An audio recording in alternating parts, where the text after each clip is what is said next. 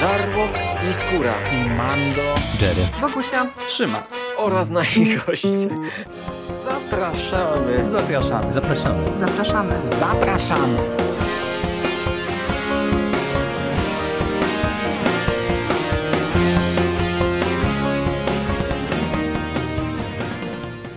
Witamy Was wszystkich bardzo serdecznie w kolejnym odcinku konglomeratu podcastowego. Z tej strony Michał Rakowicz, czyli Jerry i jest ze mną ponownie Michał Ochnik, Misty Pop z mistycyzmu popkulturowego. Cześć Michale. Cześć wszystkim, cześć Jerry. I spotykamy się przy okazji kolejnego komiksu, kolejnego Marvela, y, ale tym razem myślę, że dosyć zaskakującego tytułu i dla nas, i dla Was, drogie słuchaczki, drodzy słuchacze, bo myślę, że mm, z dużą dozą prawdopodobieństwa możemy założyć, że niewiele osób w Polsce same z siebie zainteresują się komiksem Silver Surfer Czarny, autorstwa Donego Catesa z rysunkami Trada Mura i z kolorami Dave'a Stewarta. No bo umówmy się, Silver Surfer to nie jest najpopularniejsza postać e, w naszym pięknym kraju. Ciekawe, jaka jest najpopularniejsza postać Marvela w naszym kraju, jeśli chodzi o komiksy. Bo z tego, co słyszałem z tych branżowych rzeczy, to Deadpool sprzedaje się ponadprzeciętnie, ponad wszystkich. To w ogóle tak, jest... Tak, i wydaje mi się, że to chyba tak sprzedażowo to to jest e, to nazwisko filmy jednak, wiesz, zrobiły swoje. Znaczy to Deadpool miał tylko dwa, taki Iron Man, Man miał chyba z siedem, jeśli policzymy wszystkie, w których występował.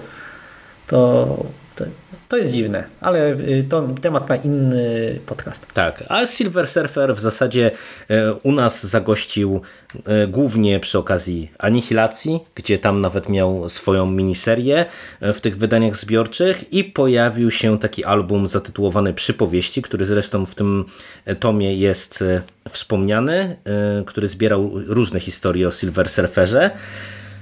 No a tutaj dostajemy właśnie dosyć krótką, bo to jest pięciozeszytowa e, opowieść e, o e, surferze i to jest, można powiedzieć, taki spin-off do Strażników Galaktyki Donego Catesa.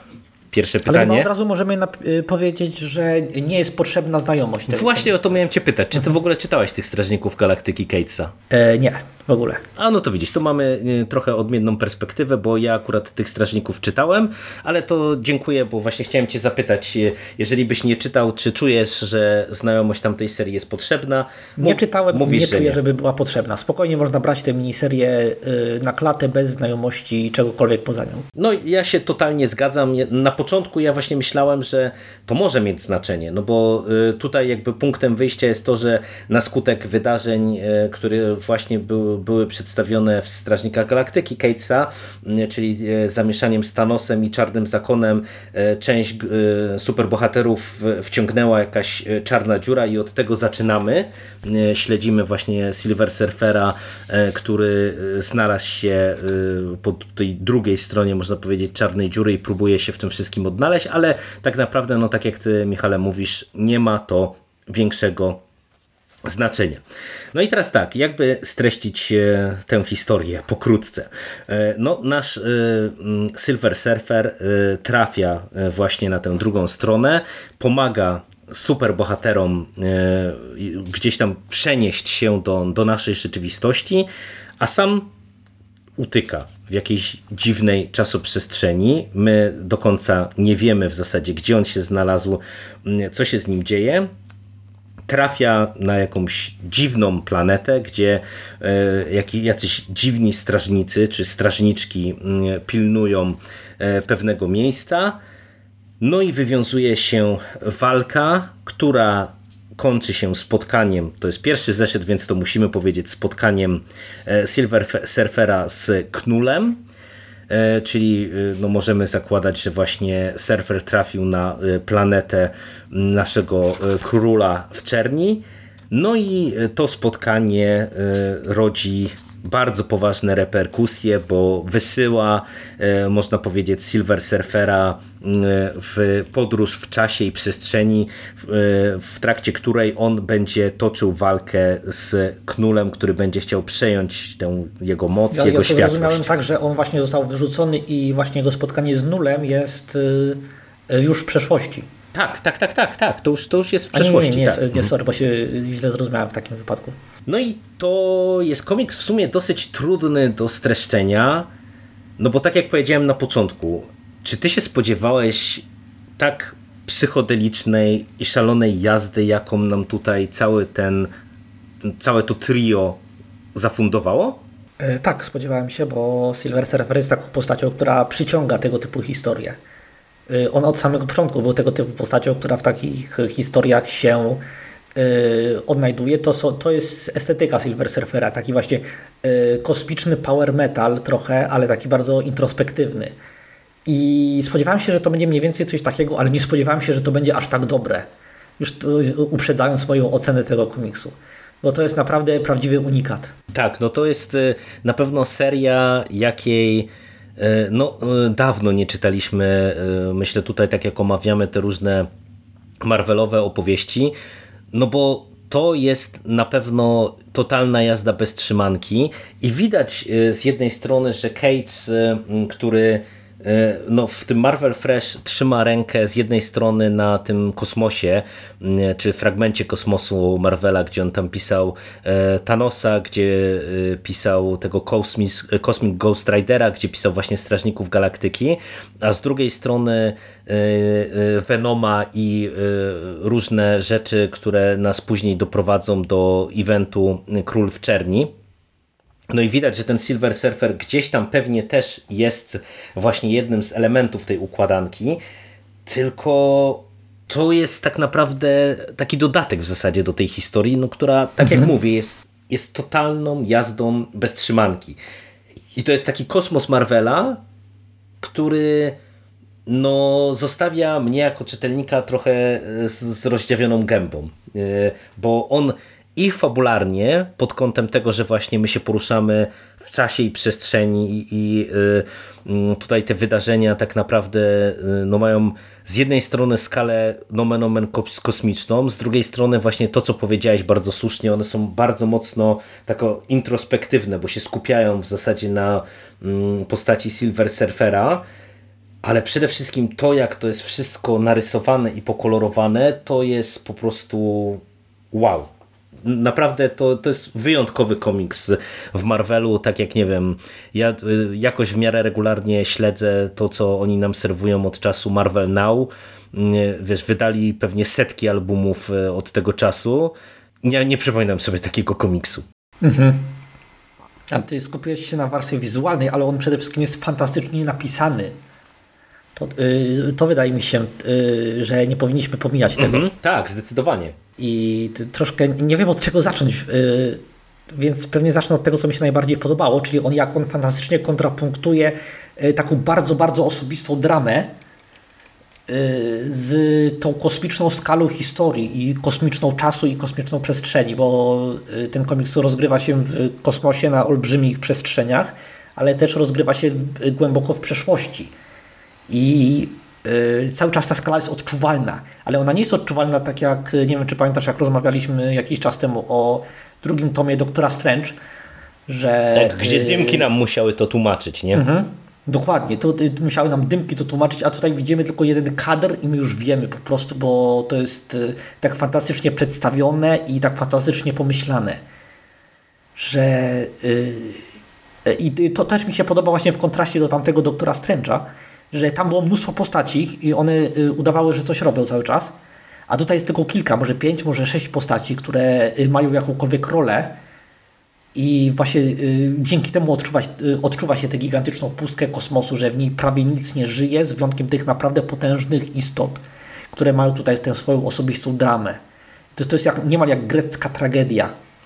To świetnie się czyta i to świetnie wygląda i to, o kurczę, to może być mój ulubiony komiks, który czytałem od bardzo dawna. No to jest y, w zasadzie na tych y, fundamentach taka wręcz archetypiczna opowieść o potyczce dobra ze złem, nie? Tej światłości i ciemności, nie? Czy tej, tej walki tutaj Nula z mm, Silver Surferem, ale tak jak mówisz, no to jest fantastycznie rozpisane, bo tutaj Cates jakby nie, zapomin- nie zapomniał o tym, że no gdzieś tam u, zarania jakby swo, swoich mocy czy, czy swojego funkcjonowania, no Silver Surfer mm, był też, no można powiedzieć, jakąś tam zwyczajną postacią i to, to mnie szalenie ujęło, nie? że mamy ten, wiesz, taki archetyp, nie? Ty, ty, ty, tych potyczek dobra ze złem, ale mm, właśnie bardzo umiejętnie wychodzący od mm,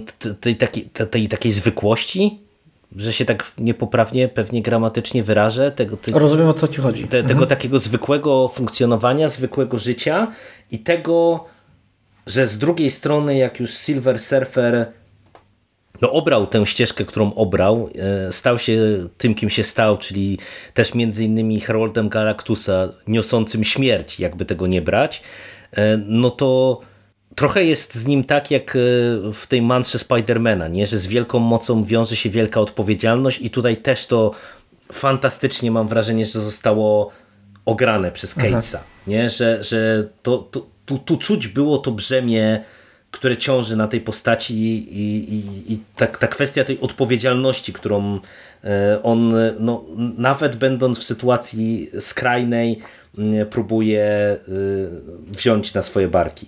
Dokładnie. I, I to w bardzo przewrotny sposób zostało y, ograne, biorąc pod uwagę, kto mu przypomina o tym, y, o tej szlachetności i dobru. Mhm. I w ogóle ten komiks jest absolutnie fantastyczny, jak on fajnie ogrywa tymi archetypami postaci, znaczy yy, tymi charakterami postaci, które my znamy, w ogóle z mitologii Marvela, ale on idzie troszkę głębiej i pokazuje ich takie trochę bardziej, yy, mniej oczywiste strony, co też robi gigantyczne wrażenie. I naprawdę trudno jest mi mówić o tym komiksie, bo z jednej strony nie chcę nikomu niczego zdradzić, bo to jest tego typu opowieść, którą naprawdę warto poznać samodzielnie i samodzielnie ją odkrywać, samodzielnie robić sobie relacje z tą historią ale z drugiej strony właśnie aż chce się mówić o tym, y, o tej doniosłości tych wydarzeń. Tak, to prawda. Tutaj y, to, to też jest ciekawe, że ja mam wrażenie, że y, to jest też bardzo dobra szkoła pisania, dlatego że tu, tak jak powiedziałeś, jest bardzo ograniczona ilość postaci, które tutaj występują, ale tutaj naprawdę też tak czuć potęgę od każdej z tych postaci, która nam się pojawia na kartach tego komiksu, Mm, że tu od razu, y, wiesz, pojawienie się danej, danego bohatera wstrząsa całym tym światem, tą sytuacją w posadach. Nie, nie wiem, czy też y, odnosiłeś takie wrażenie w trakcie lektury. Mhm. Znaczy, y, ja generalnie odnosiłem, w jak niesamowicie ciężkiej sytuacji znalazł się surfer w tym komiksie. I gdy tylko wydaje mu się, że już nie wiem, znalazł odrobinkę takiej stabilności, że znalazł na przykład jakiegoś sojusznika, by za wiele nie zdradzać, to sama natura tego sojusznika okazuje się niesamowicie przytłaczająca i e, też komplikuje sytuację. No, nie, nie, wiem, trudno jest mi też mówić te, o tym komiksie z trzeciego powodu, mianowicie, że on jest taki kameralny i tak naprawdę, sprowadzając go do najprostszej postaci, można go streścić w czterech zdaniach. Tak, historia jest w sumie zaskakująco prosta, nie? Jakby mhm. ją tak rozłożyć czy sprowadzić do, do poziomu bazowego. Dokładnie, ale y, i dlatego dzięki temu chyba y, udało się ją opowiedzieć w taki fajny sposób, w taki y, nie, odrobinkę nieoczywisty, odrobinkę taki dużo, dużo stron poświęcono właśnie budowaniu tej atmosfery, tej, tej doniosłości wydarzeń, tej skali wydarzeń i jednocześnie tej humanizowania tej wszystkich postaci. To było świetne. No, dla mnie to też było zaskakujące, no bo wiesz, Catesa My e, mieliśmy okazję poczytać e, w, w, w Venomie. E, ja czytałem właśnie jego Strażników Galaktyki i pomimo tego, że Venom miał trochę takich wtrętów bardziej osobistych, bo tam jednak ten, ten wątek rodzinny też jest dosyć ważny, czy cała relacja Ediego z symbiontem, ale już na przykład tacy Strażnicy Galaktyki to była, wiesz, taka typowa kosmiczna rozwałka, wybuch wybuchowa, e, wyszczekana e, e, i, i po prostu no, taka stricte rozrywkowa i nagle no, dostajemy historię tak kameralną, tak dobrze rozpisaną, tak ciekawie zbudowaną, no trochę przecierałem oczy ze stumienia, że to jest wiesz, ten sam scenarzysta po prostu. Ten sam scenarzysta, co w Strażnikach Galaktyki. Tak, tak, dokładnie. Bo ja, ja szczerze właśnie widziałem troszkę, takiego, troszkę tego Venoma Catesa w tym komiksie bo y, y, tam też było trochę tej skali tego kosmicznego horroru z y, właśnie głęboko ludzką, osobistą dramą. I Case jest, jest w tym naprawdę dobry. Wiesz co, wydaje mi się, że to może być mój ulubiony scenarzysta obecnie Marvela. Mhm. Bo wszystko, co czytałem jego do tej pory, było co najmniej fantastyczne. No wiesz, ten, ten komiks y, czy Strażnicy Galaktyki to też u mnie e, spowodowali, że ja się chyba cofnę właśnie do Thanosa, bo ja słyszałem bardzo, bardzo pochlebne opinie o tym albumie, e, który Kate spisał i który u nas się ukazał chyba jako tom drugi, e, bo, bo chyba ta, ta historia Thanosa była rozbita na dwa tomy, ale każdy z nich miał innego scenarzystę i Kate się chyba pojawiał przy okazji drugiego, bo tam też chyba się przejawia, przewija Cosmic Ghost Rider, a mm, też właśnie słyszałem same superlatywy pod adresem tej serii, no i tak wiesz, widząc jak sobie Kate spoczyna w tym e, e, kosmicznym uniwersum, to jestem cokolwiek zaintrygowany, żeby po prostu jeszcze sięgnąć po, po tamten album. No i trochę, wydaje mi się, że utknęliśmy trochę w ślepym załuku, bo tak naprawdę nie mamy do powiedzenia o tym komiksie niczego poza samymi superlatywami. No ale to wiesz, to scenariuszowo nie będziemy nic tu więcej zdradzać, po prostu trzeba mhm. to przeczytać. Tak jest, e, trzeba. A... Nawet gdyby rysunki były koszmarne, to ja bym się y, upierał, że trzeba, ale na szczęście nie są koszmarne, na szczęście są niesamowite. No właśnie i to jest, to jest też kolejny szok, szok, no bo e, Dave'a Stewarta myślę, że każdy fan komiksu i to nie tylko superbohaterskiego, ale w ogóle na pewno go zna, bo to jest e, nazwisko ikona, jeżeli chodzi o kolory, e, która, który pracuje i przy tych superbohaterskich różnego rodzaju seriach, ale przecież też, która pracowała przy bardzo wielu tych bardziej kameralnych, mniejszych autorskich projektach, a za rysunki odpowiada Trad Moore, którego ja się przyznam w ogóle nie znałem i nie wiedziałem totalnie czego się spodziewać, a on tu robi po prostu rzeczy no absolutnie mhm. niesamowite, nie? To jest coś, co mm, przypomina te y, takie odjazdy, które gdzieś tam możemy kojarzyć z początków Doktora Strange'a y, y, i te, Albo z początków kosmosu Marvela. Albo z początku kosmosu potrafił Marvela. Y, tak przy, przy, przywalić naprawdę y, niesamowite rzeczy, to tutaj to jest y, zdecydowanie ta sama energia. No właśnie, jak Ci się ten komiks pod tym kątem podobał? Bo no umówmy się, że tutaj i kolorystyka, i sposób kadrowania, i sposób rysowania tego komiksu, i, i to, jak on jest prowadzony pod tym kątem wizualnym, no to jest naprawdę też unikat na skalę y, Marvela, mam wrażenie, tego współczesnego. Mhm. Dokładnie, ja czasami łapałem się za głowę i zastanawiałem się, jak redaktorzy Marvela po prostu pozwolili na tak wielką odwagę artystyczną w ich y, było nie było mainstreamowym komiksie. Na przykład, nie wiem, strasznie mnie nie, y, zdziwił ten kad, znaczy ten całostronicowy, ta ilustracja, pierwsza strona piątej części, piątego zeszytu, y, gdzie to jest po prostu obraz kubistyczny. Obraz wykonany w, y, technice kubistycznej, znaczy w, y, w nurcie kubistycznym, no, nieważne jak zwał, tak zwał. I no, generalnie tak jakby słów mi zabrakło, ale nie, nie, to ta, tak jakby rysownik, czy artysta w tym momencie zauważy, no, Sam widzisz, że no, dostał pełną wolność, nie? I, i, i mógł tak, tak, tak, ale, ale e, e, ja, ja, też mówię o czymś innym. Tak jakby artysta po prostu e, nie szedł full utylitaryzm, czyli full pokazać po prostu tak, jak jest w scenariuszu, tylko zaufał czytelnikowi, że czytelnik zrozumie na poziomie emocjonalnym, na poziomie właśnie y, sztuki, ten zabieg artystyczny, bo to jest po prostu przedstawiony Silver Surfer właśnie w bardzo kubistyczny sposób, czyli za pomocą figur geometrycznych.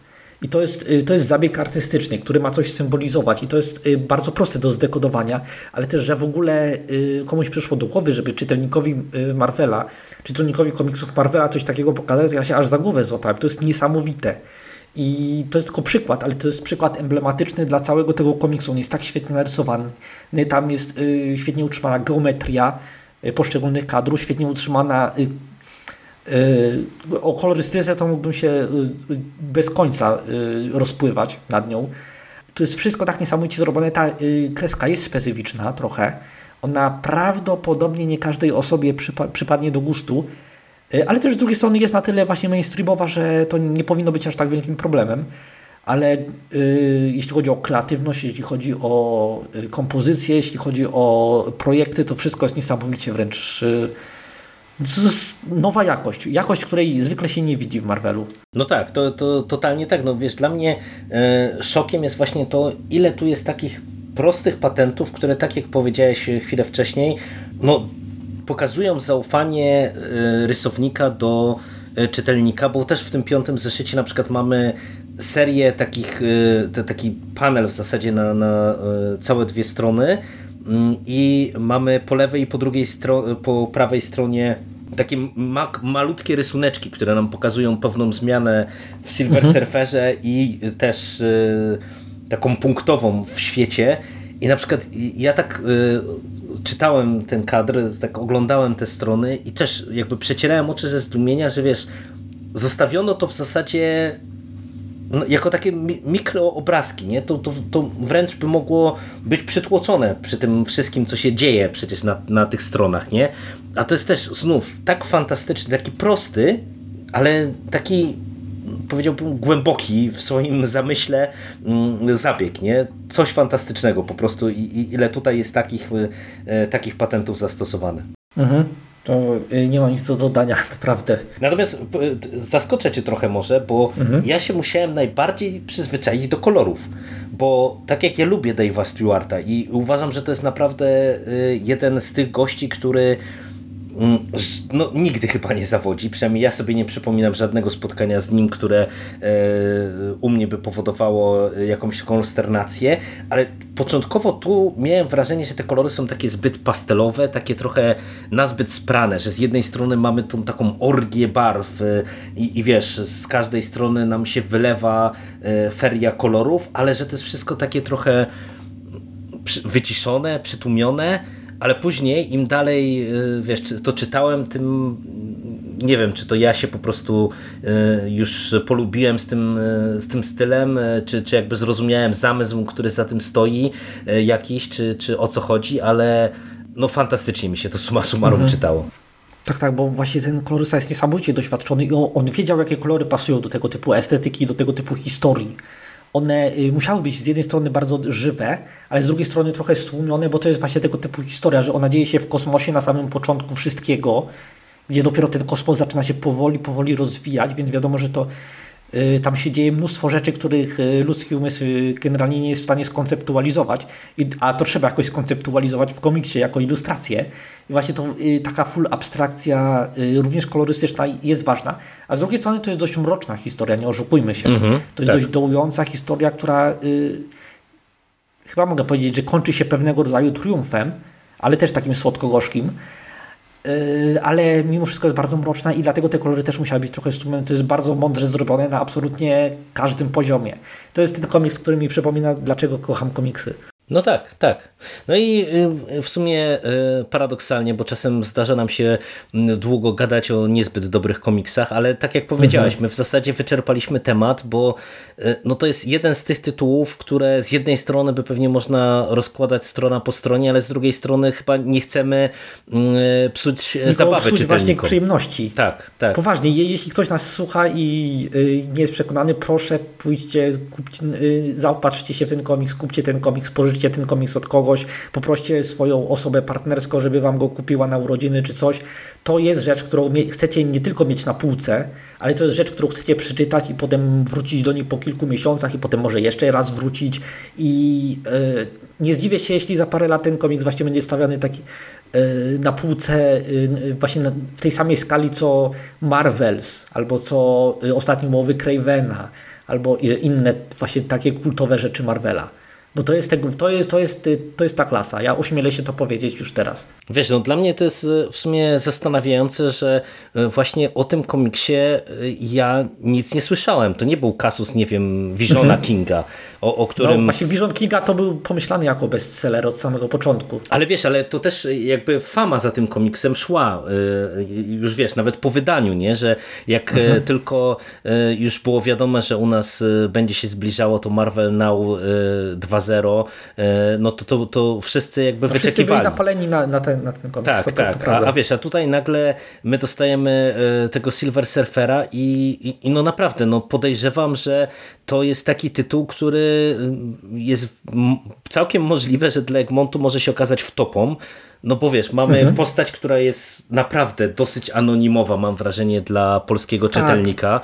I zauważ, że on prawie nigdy chyba nie był w żadnych ekranizacjach, tylko w tym sequelu Fantastycznej Czwórki, o którym nikt nie chce pamiętać. No właśnie, właśnie. I on jest mało znany, i, ale to jest tak dobry komiks, że jest, no, nie, nie wiem, nie wiem, ja chyba sam będę y, chodził po ulicy i mówił ludziom, żeby go kupowali. No tak, tak, nie, no to, to naprawdę to, a y, rzadko nam się zdarza polecać y, komiks superbohaterski tak mocno, y, ale uwierzcie nam, nie przesadzamy.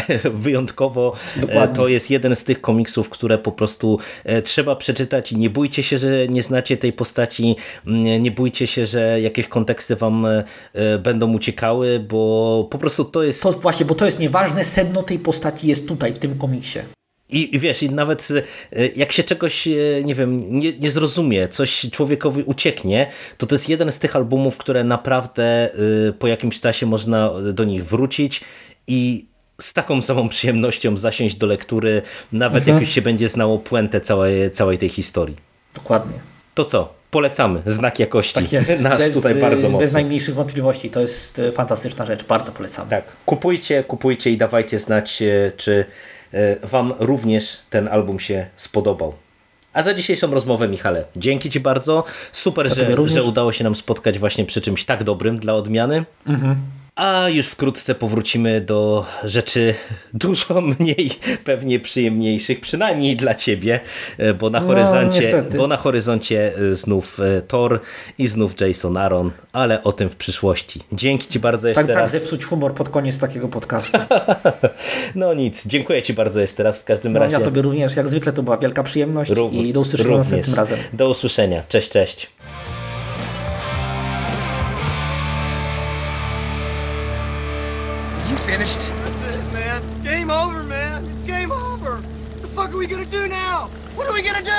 It's over. Nothing is over! Nothing! You just don't turn it off!